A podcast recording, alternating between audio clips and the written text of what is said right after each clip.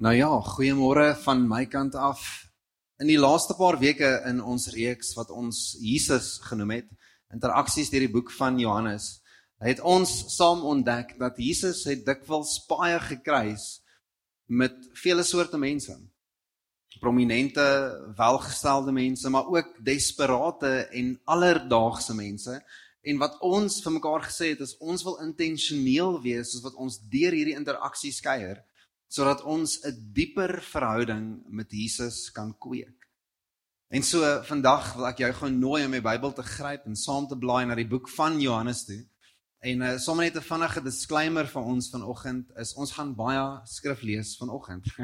Dit is die laaste ding wat jy wil hoor van iemand wat 'n boodskap deel is ons gaan nou saam Bybel lees vanoggend. Maar ek het so net 'n net 'n steening op my hart vanoggend dat ek wil nie net 'n klomp goed oor jou sê en vir jou sê nie. Ek wil eintlik langs jou kom staan soos wat ons weer eens intentioneel dieper ontdek die karakter en die persoon en selfs ook die persoonlikheid van Jesus. En so ons gaan deur 'n paar skrifte deurwerk. Maar die eerste ding wat ek vanoggend vir ons wil sê is ons het so 2 weke terug dit vasgestel dat Jesus en al die mense wat hom gevolg het en al die skare en die disippels en vriende en familie was daar 'n klein handjie van 'n binnekring van mense wat werklik naby Jesus geleef het. En van hierdie mense was Maria en Martha en Lazarus, die twee sissies in die boetie, maar daar was ook van die disippels. En ek weet nie of jy dit in jou Bybel raak gelees het nie, maar Jesus het favorites gehad, okay? nou nie in soveel woorde nie. Maar daar was mense wat werklik 'n dieper verhouding met Jesus gehad het. En een van daai mense was die skrywer van hierdie boek, Johannes. En so ons het gedink dit is van pas om in die laaste tyd saam binne hierdie reeks wanneer ons kuier wat interaksies wat Jesus gehad het met mense om stil te staan by Johannes. Nou Johannes om vir julle gou te noem was een van die eerste mense wat Jesus gevolg het. Johannes saam met Andreas wat Petrus se broer is. Nou ek wil gou saam met julle gou hier inklim in die boek van Johannes en ek het letterlik soos wat ek hierdeur werk, vat ek in my Bybel en ek maak my Bybel toe. My vrou lê langs my, ek sê vir haar genade. Hierdie is verwarrend. Want net in hoofstuk 1 in Johannes is daar drie verskillende Johannese. OK. Weet jy of jy al saam met my hier in jou Bybel raak gelees het nie? Daar is drie verskillende Johannese net in die eerste hoofstuk van die boek Johannes en ek vat 'n oomblik waar ek 'n trappie terugvat en sê, "Oké. Okay, as ek werklik wil verstaan wie hierdie persoon was en wat ek kan leer uit sy ontmoeting met Jesus uit, gaan ek moet intentioneel wees en seker maak ek praat van die regte Johannes. En so daar is ure en ure en ure nie net van my kant af nie, maar van klomp mense wat studie gemaak het van wie Johannes werklik was. Nou, net om te noem, die eerste twee disippels wat Jesus gevolg het, was een elk van twee pare broers. Een bekende paar broers was Andreas en Petrus. En Johannes, hy was eintlik die tweede disipel wat Jesus gevolg het. Nou, ek wil gou vanoggend net 'n paar goedjies vir jou noem. Eerstens dat Johannes na Paulus die meeste geskryf het in die Nuwe Testament. 5 boeke in totaal. Johannes, 1 Johannes, 2 Johannes, 3 Johannes en Openbaring. So na Paulus, die ou by wie ons seker die meeste hoor van Jesus se lewe en sy doene en late en sy karakter en sy persoon, is hierdie ou Johannes En saam met dit is Johannes ook die skrywer wat die meeste in die hele Bybel beskryf het rondom liefde. Meer as 81 keer skryf Johannes oor die woord liefde. Meer as Matteus, Markus en Lukas saamgestel het hierdie een skrywer meer te sê gehad oor liefde as enige iemand andersins. Nou ek wil gou net vir jou vinnig 'n stuk kommentaar lees in die tweede gedeelte van hierdie kommentaar kan jy saam met my volg. Maar kom ek lees gou vir jou net 'n stuk kommentaar van die Bible Knowledge Commentary. En dit begin en sê the book of Matthew begins with the genealogy of Jesus, connects him to David and Abraham. Mark starts with the preaching of John the Baptist, and then Luke has a dedication to his work to Theophilus, and he follows the prediction of the birth of John the Baptist. But John begins with a prologue 'n theolo theology prologue. It is almost as if John had said, I want you to consider Jesus in his teaching and his deeds. But you will not understand the good news of Jesus in its fullest sense unless you view him from this point of view. Jesus is God manifest in the flesh. And his words and deeds are those of the God man. En hierdie ou, Johannes, wat ons eintlik baie min van lees in sy eie boek, En en hier's nogals 'n vreemde ding wat jy kan soms my oplet. Is Johannes kry die geleentheid om getuienis te baar van Jesus in sy lewe en wat hy als gedoen het, maar nooit in enige van sy skrywe verwys hy direk na homself nie. Hy verwys nooit as en ek Johannes het die volgende gedoen of gesê nie. Hy verwys na homself altyd as die ander disipel of as die geliefde disipel. Dit is amper asof alles wat Johannes geskryf het en gesê het en geleef het, was eintlik hierdie hierdie agtergrond, asof jy in 'n spieël staan en jy kyk verby jouself en jy sien alles anderste rondom jou raak, sien ons Jesus meer as Johannes. Dit wie Jesus was, meer as ons amper asof hy homself probeer min maak in die storie, asof hy vir ons probeer sê moenie moenie vasgevang word in my as mens in die storie nie, kyk na Jesus, kyk vir Jesus. En so van waar af hierdie eintlik kom is grootendeels omdat hy self 'n disipel was voor Jesus van iemand anderste. Johannes was 'n disipel van Johannes, die doper. so dis nou die die tweede Johannes in die boek van Johannes wat ons raak lees. En intedeel hoofstuk 1 is daar 'n groot gedeelte net nadat Johannes die apostel of die geliefde disipel gesels oor wie Jesus is. Dit is God teen volle Dis die woord. Die woord was nog altyd. Die woord was God en saam met God. In die begin was die woord en alles is vanaf hierdie woord. En dan sprei hy na Johannes die Doper toe. En Johannes die Doper was geken juis vir hierdie. Sy lewe en sy bediening en sy roeping was net om die pad aan te wys vir Jesus wat sou kom. En so hy het 'n groepering disippels rondom hom gehad. En ek wil hê julle moet saam met my, soos wat ons hierdeur gaan kuier, wil ek hê julle moet dit saam met my raak sien in die volgende. So lees saam met my in Johannes 1 vers 29 tot 42. Ons gaan in hierdie gedeelte hierdie skrif opbreek net in drie vinnige gedeeltes en ek wil net ietsie te sê na elkeen van hierdie stukkies. Maar lees saam met my in Johannes 1 vers 29. Say the next day John saw Jesus coming toward him and said, Look, the Lamb of God who takes away the sin of the world. This is the one that I told you about. After me, comes a man who ranks ahead of me. Because he existed before me. I didn't know him, but I came baptizing with water so that he might be revealed to Israel.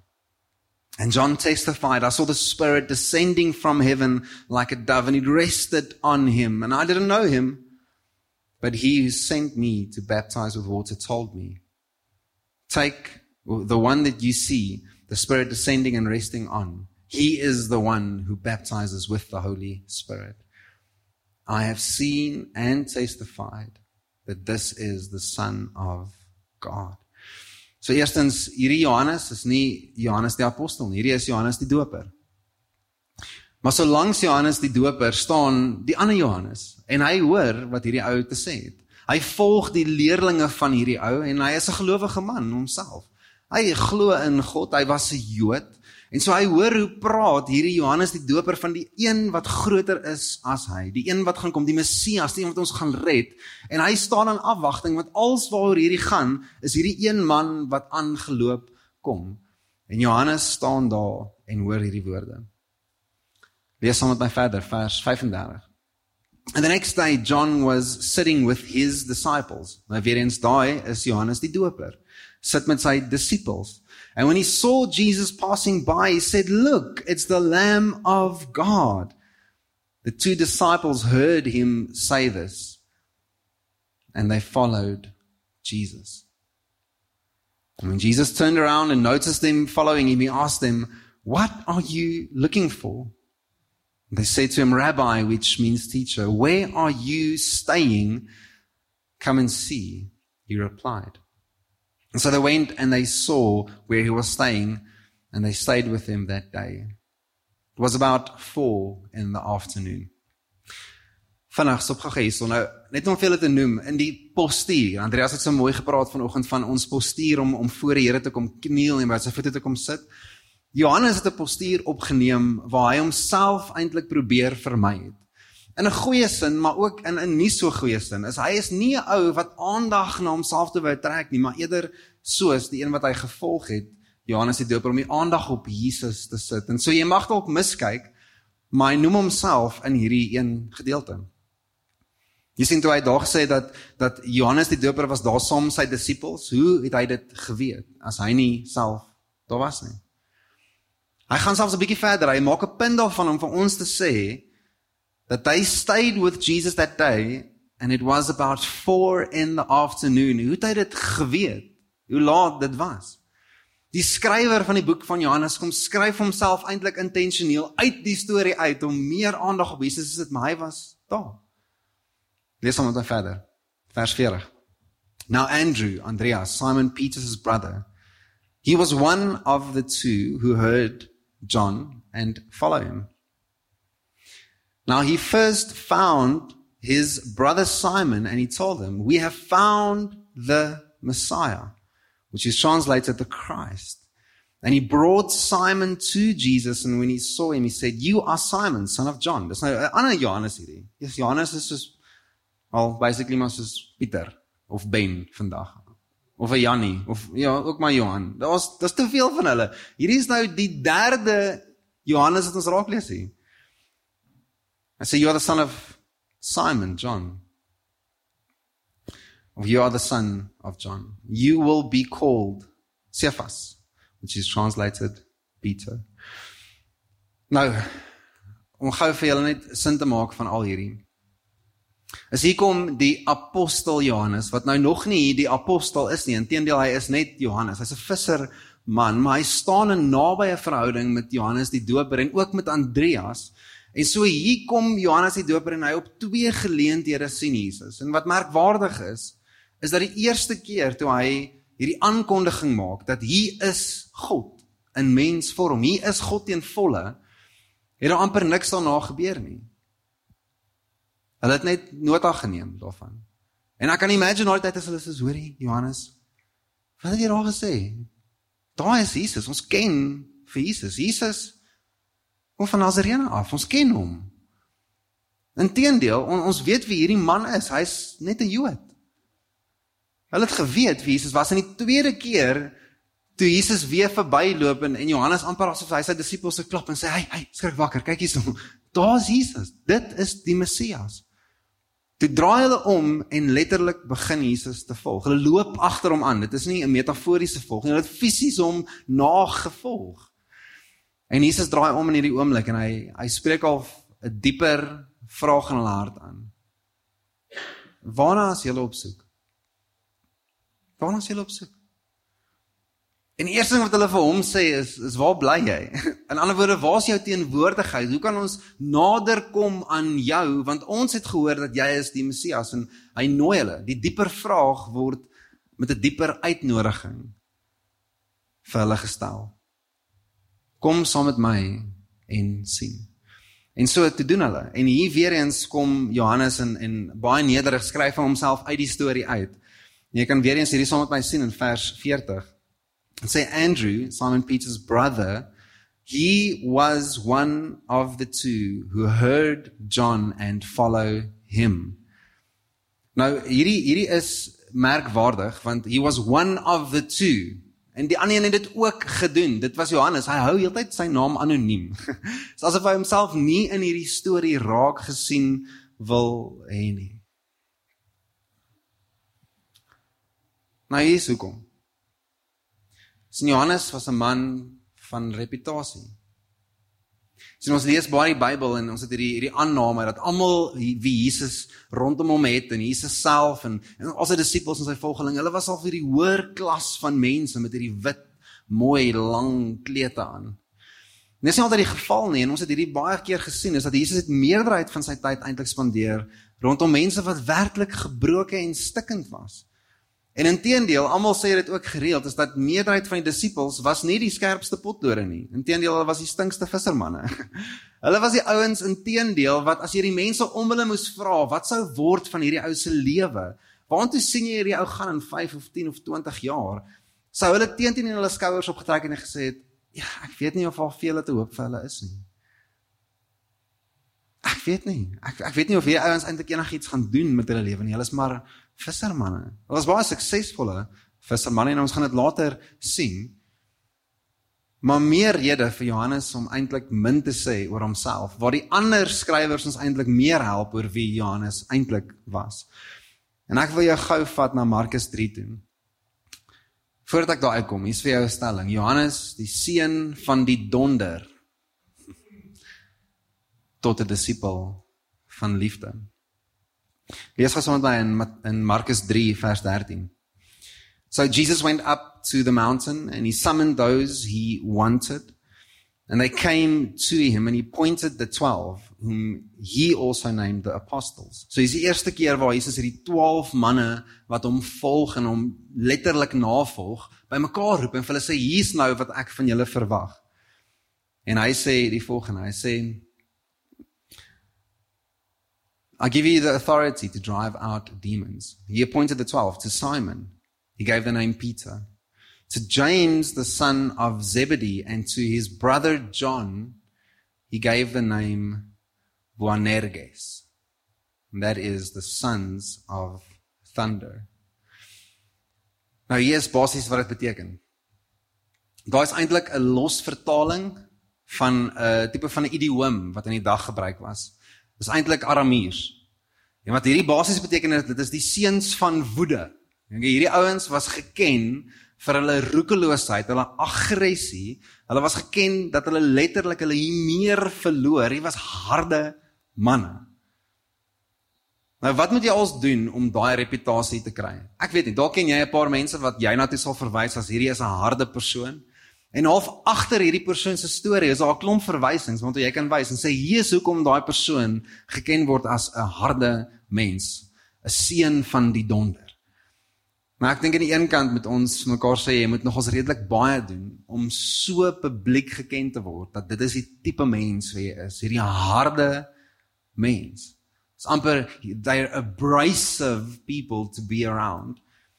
Maar aan die ander kant dink ek dit is ook 'n oomblik vir Johannes om die woorde te hoor. Dit is waarvoor hy geken word deur Jesus. Kyk, as een ding as die mense rondom jou dit sê en jy half ry huis toe en jy sê soos ag, maar ten minste dink die Here nie dit van my nie. Nee.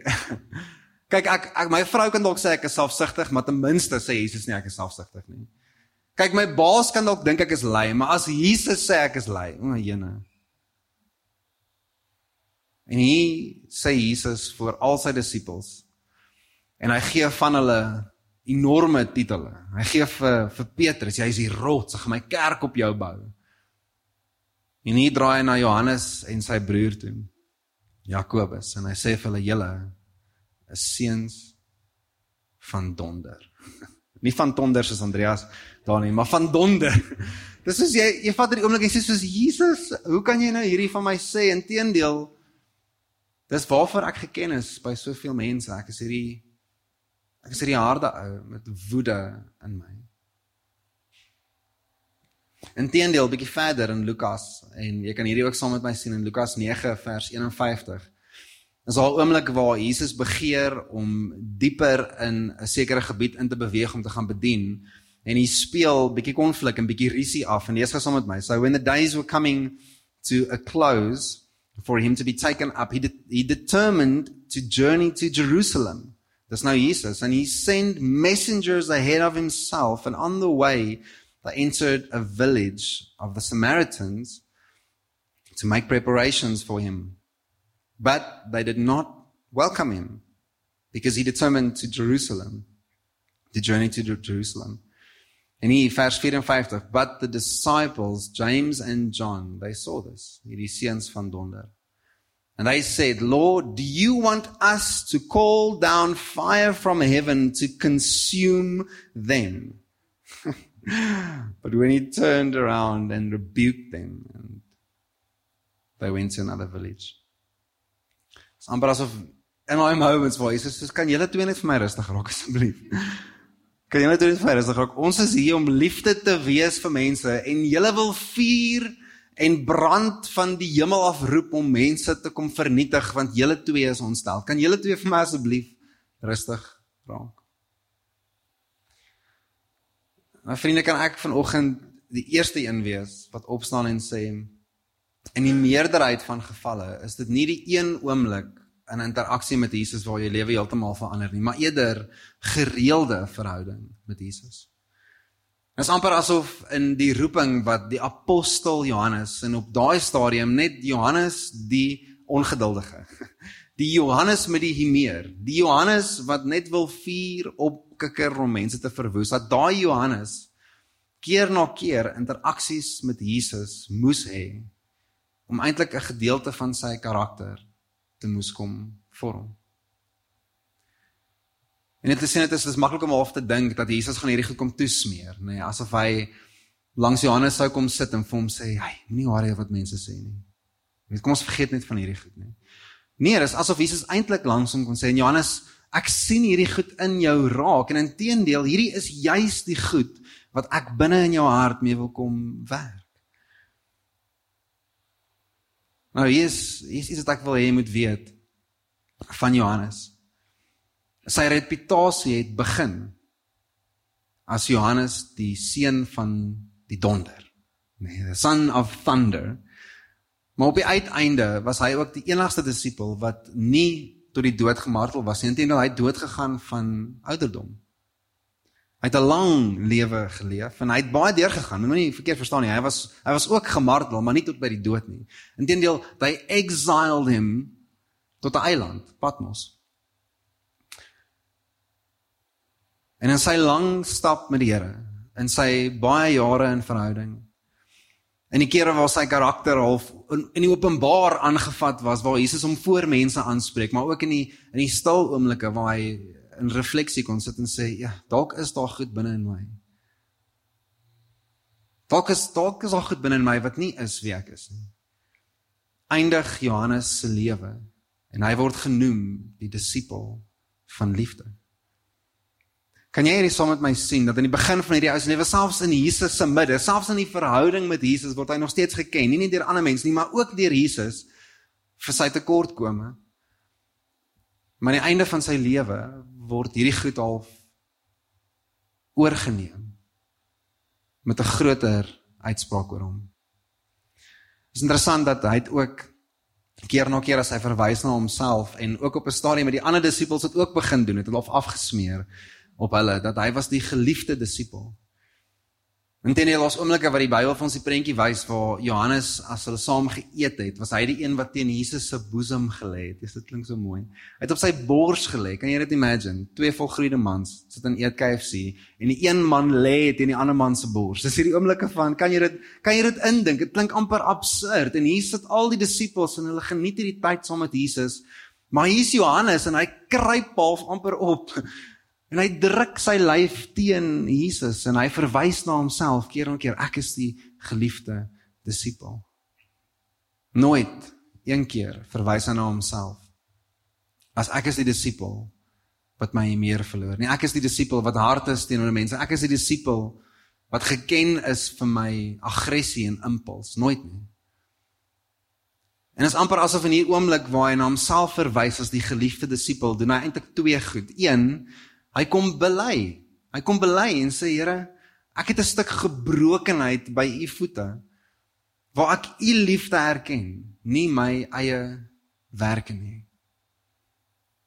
Samper asof hy die groter stuk van sy van sy geloof en ook sy hoop eintlik maar op Jesus kom rus. Ek is 'n geliefde disipel want u het my lief onverdiende. Ek kan dit amper nie glo nie. Maar aan die ander kant wat hy ook van ons kom doen is hy kom wys vir elkeen van ons in daai selfde postuur waarvan Andreas weer eens vanoggend gepraat het. Dus Jesus is baie meer geïnteresseerd in ons karakter as wat hy is in ons gemak. En so hiersoos waar ons die storie bietjie verder optel. En hierdie is nou nie op uh, die skerm nie, maar ek wil net met hierdie woorde saam met my inneem in 1 Johannes. So bietjie verder in Johannes se se skrywe. Skryf hy in hoofstuk 3 So I see what great love the Father has given us that we should be called sons of God. Geken eerstens as 'n seun van donder en hy staan nou hier en hy sê kyk wat die Here in my lewe kom doen het. Ek is 'n seun van God. Die tweede ding van Johannes se lewe is eerstens hy was 'n man van status, maar ook geken as 'n man van liefde. Maar ek wil gou 'n bietjie verder vat en chapie sê kan my som volg hiersom. Maar in Markus 1 vers 16 tot 20, hier sien ons nou waar ander skrywers skryf oor Johannes. En hierdie is die oomblik waar Jesus hulle eintlik geroep het. So, hulle het Jesus ontmoet voor hierdie oomblik. Maar hierdie was die eerste keer wat Jesus hulle eintlik kom roep het. OK? So hulle het hom agtergevolg, hulle het hom nagevolg, fisies saam met hom geloop, hulle het 'n aand saam met hom spandeer en saam met hom gekuier. Hulle het hulle broers gaan vertel van Jesus.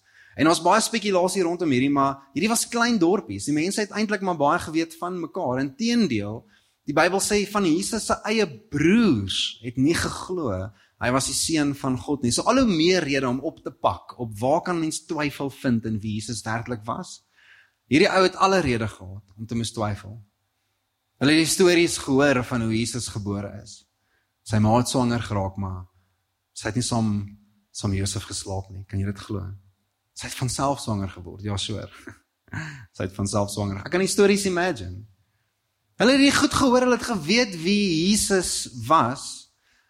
En hier kom Johannes die Doper met hierdie bediening wat hy mense na Jesus toe wys en hy erken in publiek hierdie is Jesus en hulle spandeer die dag saam met hom maar hulle gaan aan met hulle lewens en hier tel ons die storie op in Markus. En in Markus 1 vers 16 sê dit die volgende.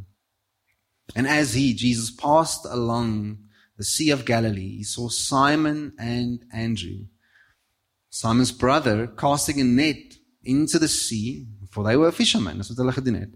Follow me, Jesus said to them, and I will make you fish for people. And immediately they left their nets and they followed him. And going a little bit further, he saw James, the son of Zebedee, and his brother John in a boat, putting their nets in order.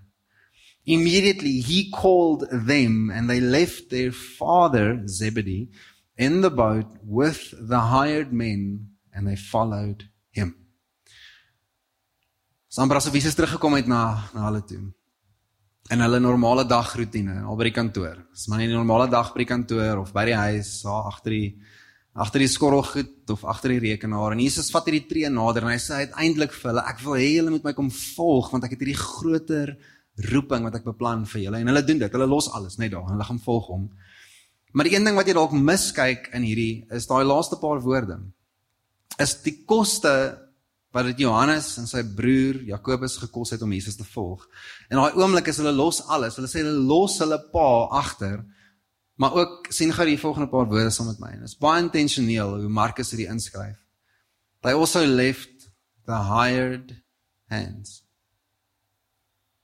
Sien baie van ons dink dat Johannes was hierdie arm skurwe visserman. Dis nie die waarheid nie. Ek dink hy was 'n baie suksesvolle besigheidsman. Wat jy wat jy hier gesien het is dat baie kere vir vissermanne is dit ek en my boetjie en ek en my pa en dit is half 'n familiebesigheid en ons gaan uit elke dag en ons gaan vang 'n paar visse vir half dis wat ons gaan verkoop in die markplek. Dis nie wat hierdie was nie. Inteendeel, wat jy hier gaan sien is dat Johannes was 'n man van status want hy het mense wat vir hom gewerk het. Hy was die manager.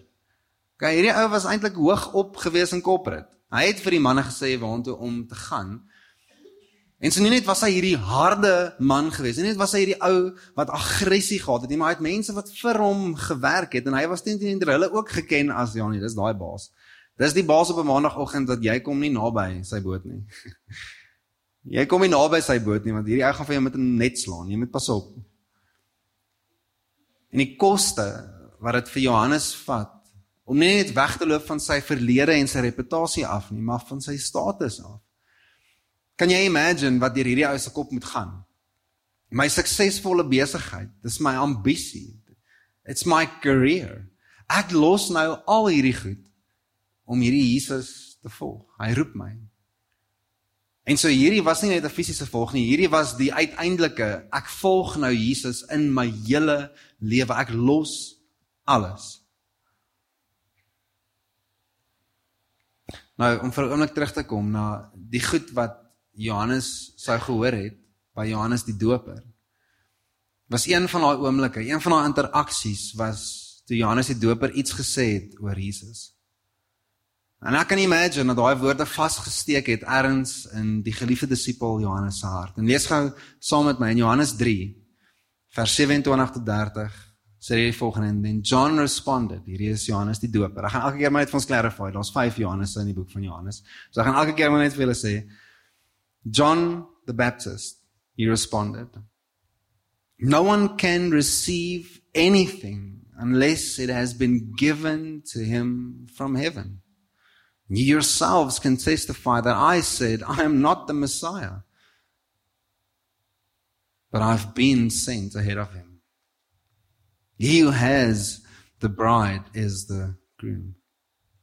But the groom's friend, who stands by and listens for him, rejoices greatly at the groom's voice.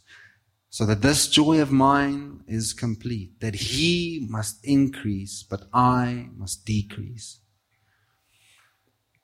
Is amper asof hierdie man van status nie net in sy werksplek nie, maar hy was ook 'n man van status in sy geloof gewees. Hy het Johannes die Doper gevolg as 'n disipel. Dit is soos kan jy imagine? Wil jy nie 'n paar van die bekende profete en priesters op die spel hier sit nie, maar kom ons sê Willem Gous. Hierdie ou was vriende met Willem. Hy het steaks geëet saam met Willem. Kan jy dit glo?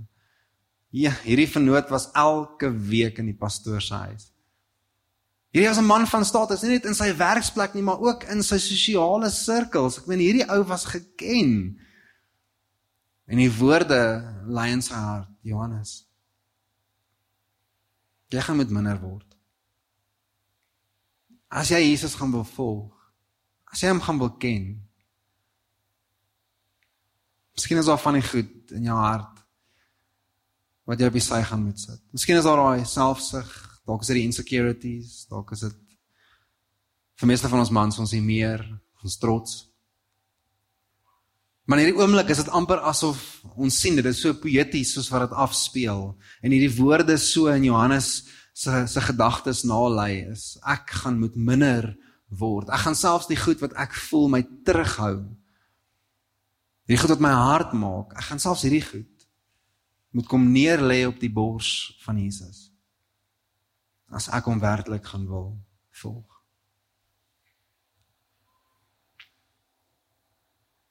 Ek sien op die uiteinde van Johannes se lewe is daar nie een skrywer wat terugskryf oor sy sukses nie. Ek dink dit is nogals merkwaardig. Daar's nie een skrywer selfs eers in die weekly fishing angler magazines. Die man skryf terug oor hierdie bekende visserman en almal vandag wat visvang leer by hierdie ou om vis te vang. Want hy was die visserman gewees nie. Daar's nie boeke oor hom geskryf oor besigheid nie. Daar's nie boeke oor hom geskryf oor sy sukses in die markplek nie. Nee, wat daar eintlik gedoen is is ons net geskryf oor die man wat liefde geken het.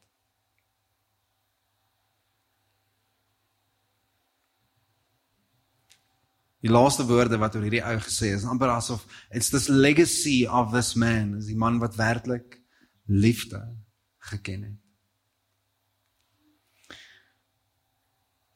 'n laaste en 'n derde ding wat ek wil noem oor Johannes.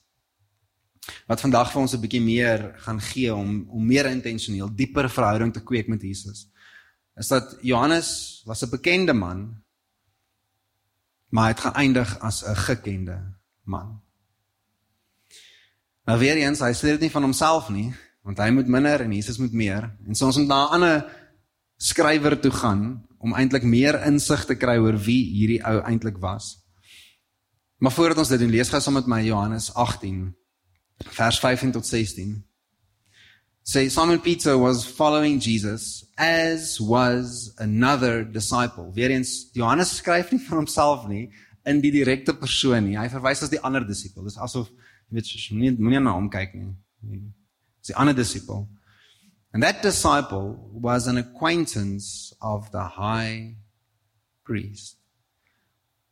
And so he went with Jesus to the high priest's courtyard, but Peter remained standing outside by the door. And so the other disciple, Varians, the one known to the high priest, went out and he spoke to the girl who was the doorkeeper and brought Peter in. Nie net was Johannes hierdie baie suksesvolle man gewees nie, nie net was hy baie bekend gewees nie, hy het, hy het sosiale invloed gehad. Kyk in die dag van die tempel, is dit 'n stukkie die mees heiligste plek. Dit is soos imagine jy stap nou in, nie dat ek sê FNB is heilig nie, maar imagine jy stap in hier by FNB, né? Hier by, by Bank City in Sandton. Jy stap daar in. Jy stap reguit na reception toe en jy sê, "Hoorie, ek en my vriend het net gegaan met die see ou kom gesels vandag." En sy sê net soos, "Ja, nee, so kom." so dis is hierdie tipe van invloed. Dit is hierdie tipe van prestasie en erkenning wat Johannes mee geleef het. En hy skryf dit eers oor homself nie. Dit is amper asof alles wat jy kan najag in die lewe het hierdie ou eintlik maar klaar gehad. Langs sy visserboot. Vriende, was 'n 3 liter D4D Toyota Hilux. Kan dit glo nie. Sy gunsteling fishing spot was by sy vakansiehuis in Belita. Hierdie het alles gehad, het alles, alles, alles gehad. Maar een ding wat hy nie gehad het nie, Sy het nie ware liefde gehad nie. Samper asof hoe imagine jy dat jy alles sal opgee om hierdie een man te volg. Dis net wat hierdie een man gebied het, wat hy gehad het, wie hy was. Is alles wat Johannes nodig gehad. sien nêrens skryf dit dat hy 'n onvervulde lewe gehad het nie. Ons kan dit seker nou maar vir onsself indink. Nêrens sê dat hy ongelukkig was nie. Nêrens sê dat hy hierdie hierdie breakdown gehad het en soos hierdie nette in die water ingegooi het in 'n oomblik van pure net ek gee op. Oh, Daar's nie net ek's nou klaar nie en hier kom Jesus en hy sê okay, vat my nie. Nêrens lees ons hierdie goed so nie. Maar wat ons wel sien is dat hierdie ou bereid was om alles op die spel te sit om net hierdie een man Jesus te ken. En wat ons sien in sy lewe is 'n stuk storie van die Engelse woord sê dit vir my baie mooi, it's redemption. Daar was iets van die belofte wat Jesus gemaak het aan hom. As jy naby aan my gaan bly, as jy as jy jou lewe op my gaan kom bou, sal ek hom heel maak waar daar gebrokenheid is. Ek sal kom, ek sal kom regmaak, ek sal kom inspreek, ek sal waarheid kom vestig, ek sal nie leuns kom afbreek. En selfs goed soos die reputasie sal ek kom restoreer. Dit wat mense van jou sê, sal ek kom restoreer. Maar dit het 'n stuk gebrokenheid gevat vir hierdie bekende man om geken te word deur Jesus. Die geliefde disipel, die een wat op die bors van Jesus kom lê. In Johannes 15, die laaste skrif, dan is jou Bybel moeg geblaai vanoggend, maar die laaste een. Lees saam met my in Johannes 15 vers 1 tot 6. Waar Johannes skryf oor die woorde wat hy hoor uit Jesus se mond uit. En hy skryf hier volgens hy sê I am the true vine and my father he is the gardener and every branch in me that does not produce fruit, he removes, and he prunes every branch that produces fruit so that it will produce more fruit.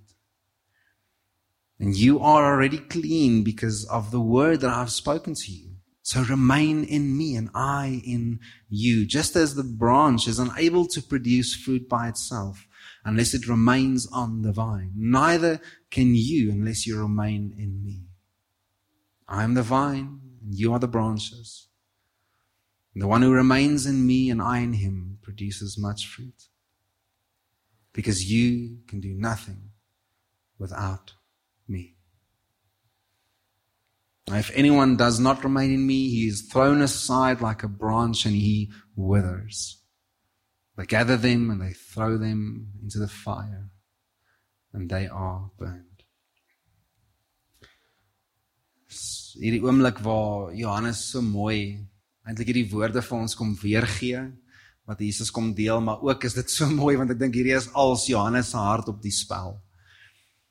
Dit lei so waar in hom is sonder Jesus is ek werklik niks nie. En inteendeel, dis nie net dat ek naby aan Jesus wil wees vir my gunste en goeie nie. Dit is dat ek werklik niks is sonder hom nie en is asof alles in sy gedagtes afspeel. Dit is sy sy huwelik en sy verhoudings en sy ouerskap en sy finansies en is amper asof al hierdie files so langs mekaar invlieg en hy het goed agter Jesus kom sit en sê niks van my lewe is enigiets as dit nie gevind word in die persoon van Jesus nie. Van 'n seun van donder tot 'n seun van God, die geliefde disipel. Van 'n man van status tot 'n man wat bekend is vir liefde. Sy die bekende man wat uiteinde op die uiteinde geken is deur Jesus.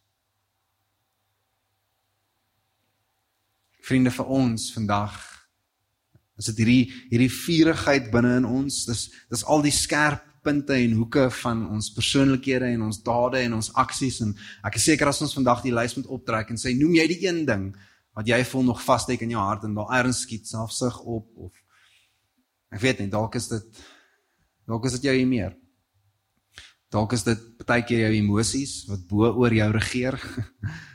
Dalk is dit jou jou twyfel. Ek dalk is dit maar net jou jou jou lou warm postuur om geloof aan te pak. Ek weet nie, vir elkeen van ons is dit 'n klomp verskillende goed, maar wat ook al dit is, die woordjie to temper and refine is wat ek hier raak sien. Dis wanneer ek dieper insteen in die persoon van Jesus, dat die goed binne in my karakter en persoonlikheid en selfs binne in my aksies dat hierdie goed aangespreek word. Jesus is going to call you on it. okay, ek gaan dit nie toesmeer nie, maar ek gaan jou ook nie diskwalifiseer nie. As daar een ou was wat gediskwalifiseer kon word, was dit verseker Johannes. Inteendeel keer na keer, jy kan self gaan lees. Is Johannes die voorbarige een. Hy is die een wat vir Jesus vra, wie is die wie is die grootste tussen ons hierson? As ons Jesus net jy mis die punt. Johannes, kom lê op my bors, kom lê net hierson. Kom lê net hierson. Sien dit is my so mooi dat in die storie van hierdie Johannes sien ek myself. En ek sien elkeen van julle. En ek sien my vrou en ek sien ook my my klein seentjie. Want dit is ons almal se storie. Dis nie die enkele oomblik waartoe jy verwys en sê dit is die dag wat al my nonsens uitgesort is nie. Dit is die dag wat ek die perfekte Christen is nie. Daar's nie so 'n dag vir ons nie. Inteendeel, dit is na die lewe wat ons terugkyk en sê ek kon sien dat die grootste roeping op my lewe was eintlik 'n roeping van verandering. The greatest calling was the calling to change. Om meer soos Jesus te word. En al hierdie goed wat vassteek en uitsteek en seermaak in my en rondom my, is die goed wat Jesus kom aanspreek in 'n verhouding met hom, in 'n stap met hom, in 'n wandel met hom. En mag dit vandag vir ons waar lê. Mag dit in jou hart kom vassteek. Waar ook al jy is, hier's 'n klomp ouderdomme vandag verteenwoordig hier's besighede, hier's huwelike, hier's ouerskap. Ek dink die een ding wat ons almal vandag van mekaar moet garandeer is dat as dit van ons afhang, is hierdie goed niks. Maar as ons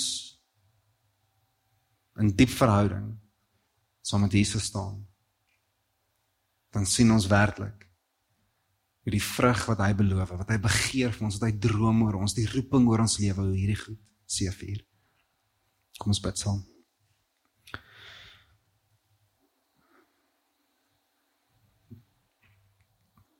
Vader, ek kom bid vanoggend vir elke persoon wat hier sit en ook myself. En net hoe ons hierdie woorde inneem vanoggend, net weer nadink hoe ons lewens sou wees sonder U. Maar ook waar ons erken vanoggend dat selfs binne in ons verhouding met U is daar selfs goed wat kop uitsteek. Wat ons weet, Here, U is nog nie klaar met hierdie nie. Die proses waar U kom kom skoonmaak en kom heel maak, maar ook kom afsny en kom verwyder is die proses wat ons weet u sal uitsit tot dit voltooi is. Here ek wil kom bid vir ouens wat hier vanoggend sit saam met my, vir mans waar ons onsself raak sien in hierdie storie en 'n oomblik wil terugvat en wat ons wil doen is ons wil onsself uit die storie uitskryf. Ons wil Ons wil ons wil onsself kom kom nail vanoggend. Ons wil kom pak slaai uitdeel vir onsself. Kan jy nou sien wat se tipe man jy geword het? En ek weet dit is nie wat u wil is vanoggend nie. Ek weet dit is waar u ons nader trek na u bors toe. En sê as jy werklik wil weet wat se man jy gaan wees, is dit die man wat gevind gaan word in verhouding met my. Here ek sien ook elke vrou wat hier vanoggend sit en soveel vrae in haar harte rondom identiteit en dit wat mense van my sê en dit wat dit wat van my gesê word by die werk en selfs in my vriendekringe en selfs my familie. Ek weet wat die mense van my sê en hulle is dalk reg. Maar Here, ek sien hoe U elke vrou nader trek na U bors toe. Dis nie wie jy is nie. Dis nie wie ek sê oor jou nie. Dis nie die waarheid wat ek vir jou begeer nie. Kom kom vind jouself in my teenwoordigheid. Kom vind jouself in my persoon. My belofte vir jou is herstel, restaurasie. Here mag ons onsself dieper indruk in wie U is.